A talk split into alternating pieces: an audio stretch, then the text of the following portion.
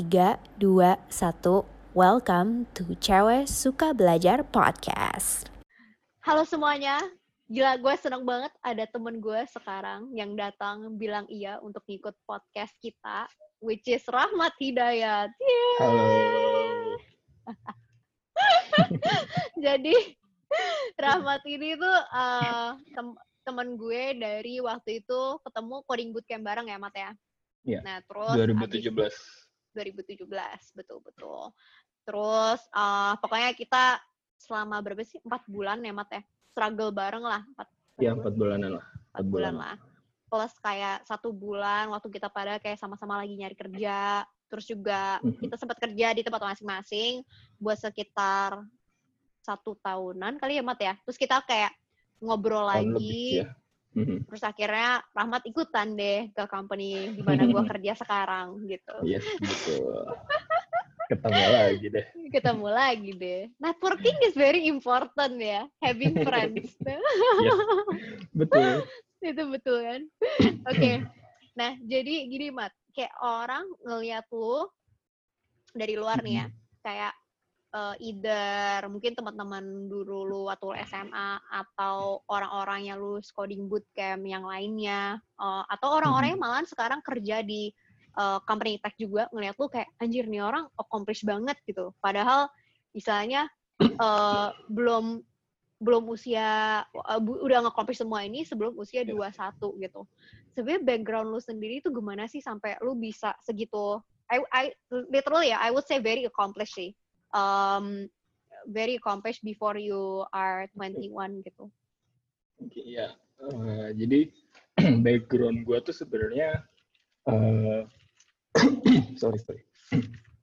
ya jadi gue udah emang dari kapan ya? Mungkin sekitar SMP itu gue udah masuk ke dunia IT lah katakanlah. Jadi Hmm. kayak gue udah coba-coba coding, HTML, CSS basic kayak gitu. Bahkan dulu sempet kayak visual basic juga bikin software gitu. Ah, nah itu emang itu tuh eh gue udah pelajarin itu dari sebelum-sebelumnya. Jadi bisa dibilang kayak eh, emang gue udah sedikit eh, nger- sedikit dari tech lah sebelumnya gitu. Meskipun gue kayak belum pernah kuliah IT Hmm. sebenarnya Hmm. juga gitu kan. Nah tapi eh, dari situ gue em, udah udah punya sedikit background tentang IT. Akhirnya ya gue eh, bisa akhirnya gue ikut bootcamp dan eh, jadi sampai sekarang kayak gitu. Hmm, hmm, hmm, hmm. Nah, kalau boleh tahu, sebenarnya lu bilang lu tuh udah mulai belajar IT dari SMP gitu kan. Siapa sih yang pertama kali ngenalin lu ke dunia IT dari waktu lu SMP? Em, kalau itu kayak gue mundur lagi, jadi eh, bokap gue tuh udah di rumah udah ada komputer dari gue TK. Gue Hmm. gue TK gitu. Jadi tiap hari dari kecil tuh gue emang suka banget di depan komputer. Jadi kayak gue belajar bisa belajar baca itu gue belajarnya dari keyboard gue nulis-nulis di Microsoft Word gitu-gitu.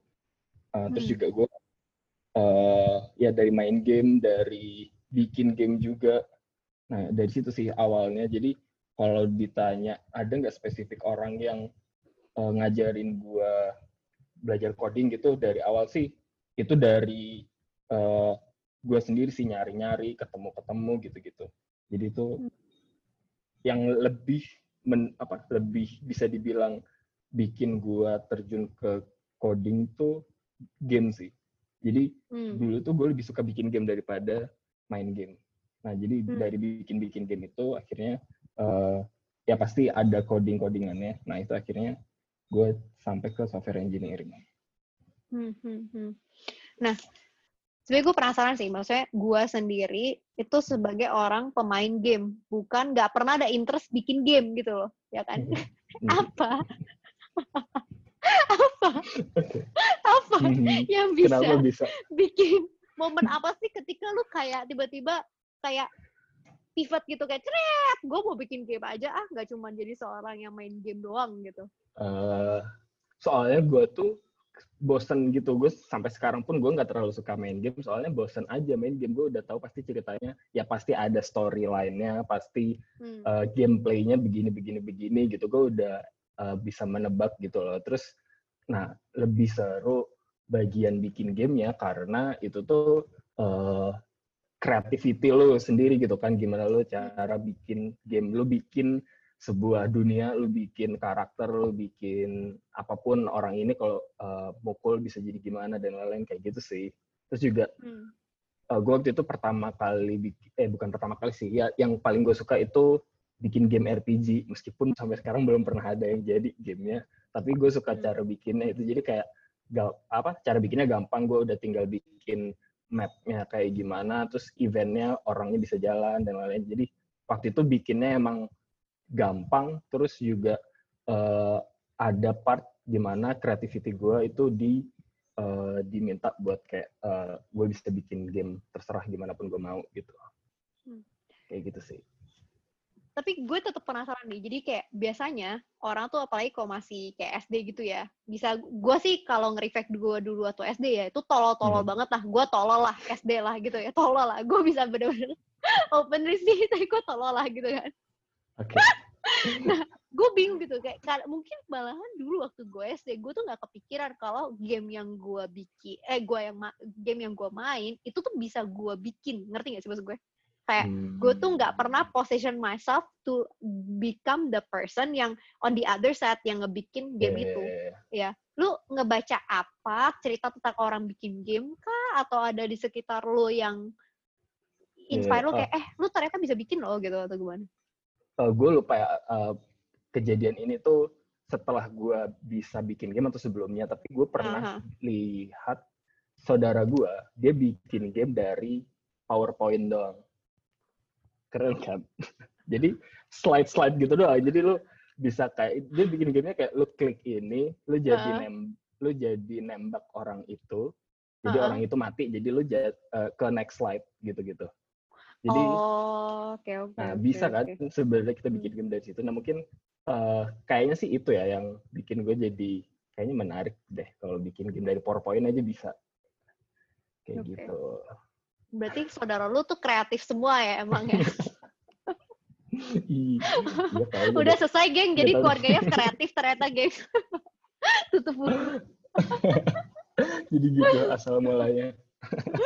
Karena keluarga kreatif. Oke, okay. tapi Oke oke oke. Terus yes. uh, apakah saudara lu sekarang jadi game game developer juga? Hmm, enggak enggak enggak sih. Enggak. Kalau kayaknya dia cuma ya iseng-iseng doang juga waktu itu. Malah malah itu yang nge-trigger guanya buat jadi uh, gamer game apa? Developer. Game kreatornya gitu daripada kalau dia mungkin menyadarinya kayak ya udah gue cuma iseng-iseng aja gitu. Hmm. Tapi gue hmm, hmm, ngeresponnya beda ya. Oke okay, oke. Okay. Nah, satu hal, jadi at least kita bisa berkesimpulan kalau misalnya ini emang istilahnya kayak dari lu bilang emang bokap lu memberikan lu opportunity, which is ada komputer juga di rumah. Cuma at the same time emang uh, karena mungkin saudara lu, mungkin karena emang you are just wired that way, di mana lu bisa ketika lu main game lu ngerasa kayak kenapa nggak gue aja yang bikin game gitu kan, kayak gitu. Yeah. Dan yeah. itu jauh lebih kera menurut lo itu jauh lebih interesting. Lu merasa yeah. game main game itu bosan karena juga storyline-nya udah kebaca gitu kan sebenarnya. Oke oke oke. Nextnya adalah um, salah satu hal yang strike gue banget ketika gue kenal sama lu adalah gue ngerasa wah gila kayak bokap nyokapnya Rahma tuh progresif banget sih, open minded banget gitu loh. Ya nggak sih? Betul. Betul uh, kan? Ya, ya bokap nyokap gue tuh lebih kayak terserah anak-anaknya mau mau ngapain aja gitu dari kecil juga uh, misalkan kakak gue nih ya cewek gitu pulang malam tuh nggak ditanyain maksudnya nggak dicariin banget gitu loh padahal cewek hmm. gitu ya pulang malam gitu kan ya hmm. ya bokap gue juga udah tahu sih uh, apa anaknya nggak mungkin ngapa-ngapain macam-macam juga gitu udah tahu di rumah hmm. kayak gimana biasanya hmm. nah jadi emang bokap nyokap gue itu uh, bebas kalian mau ngapain selama tahu batas-batasnya itu doang sih dari kecil tuh yang paling gue inget tuh itu peraturannya di rumah gitu jadi hmm. bahkan ya ketika gue nego buat uh, lulus SMA gue nggak mau kuliah dulu gue mau join bootcamp itu juga uh, sem ya awalnya sempet terlalu itu terlalu ekstrim juga gitu kan maksudnya nggak lulus SMA yang lainnya pada kuliah gue enggak gitu kan nah itu juga hmm.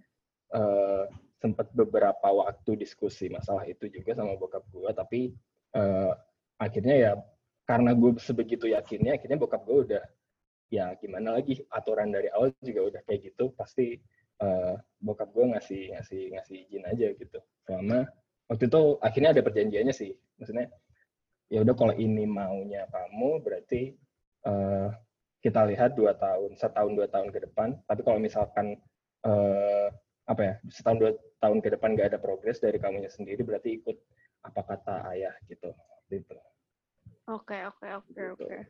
Jadi emang dari dari orang tua juga uh, sebegitu ngasih pilihannya ke kita kita ke anak-anaknya gitu mm-hmm.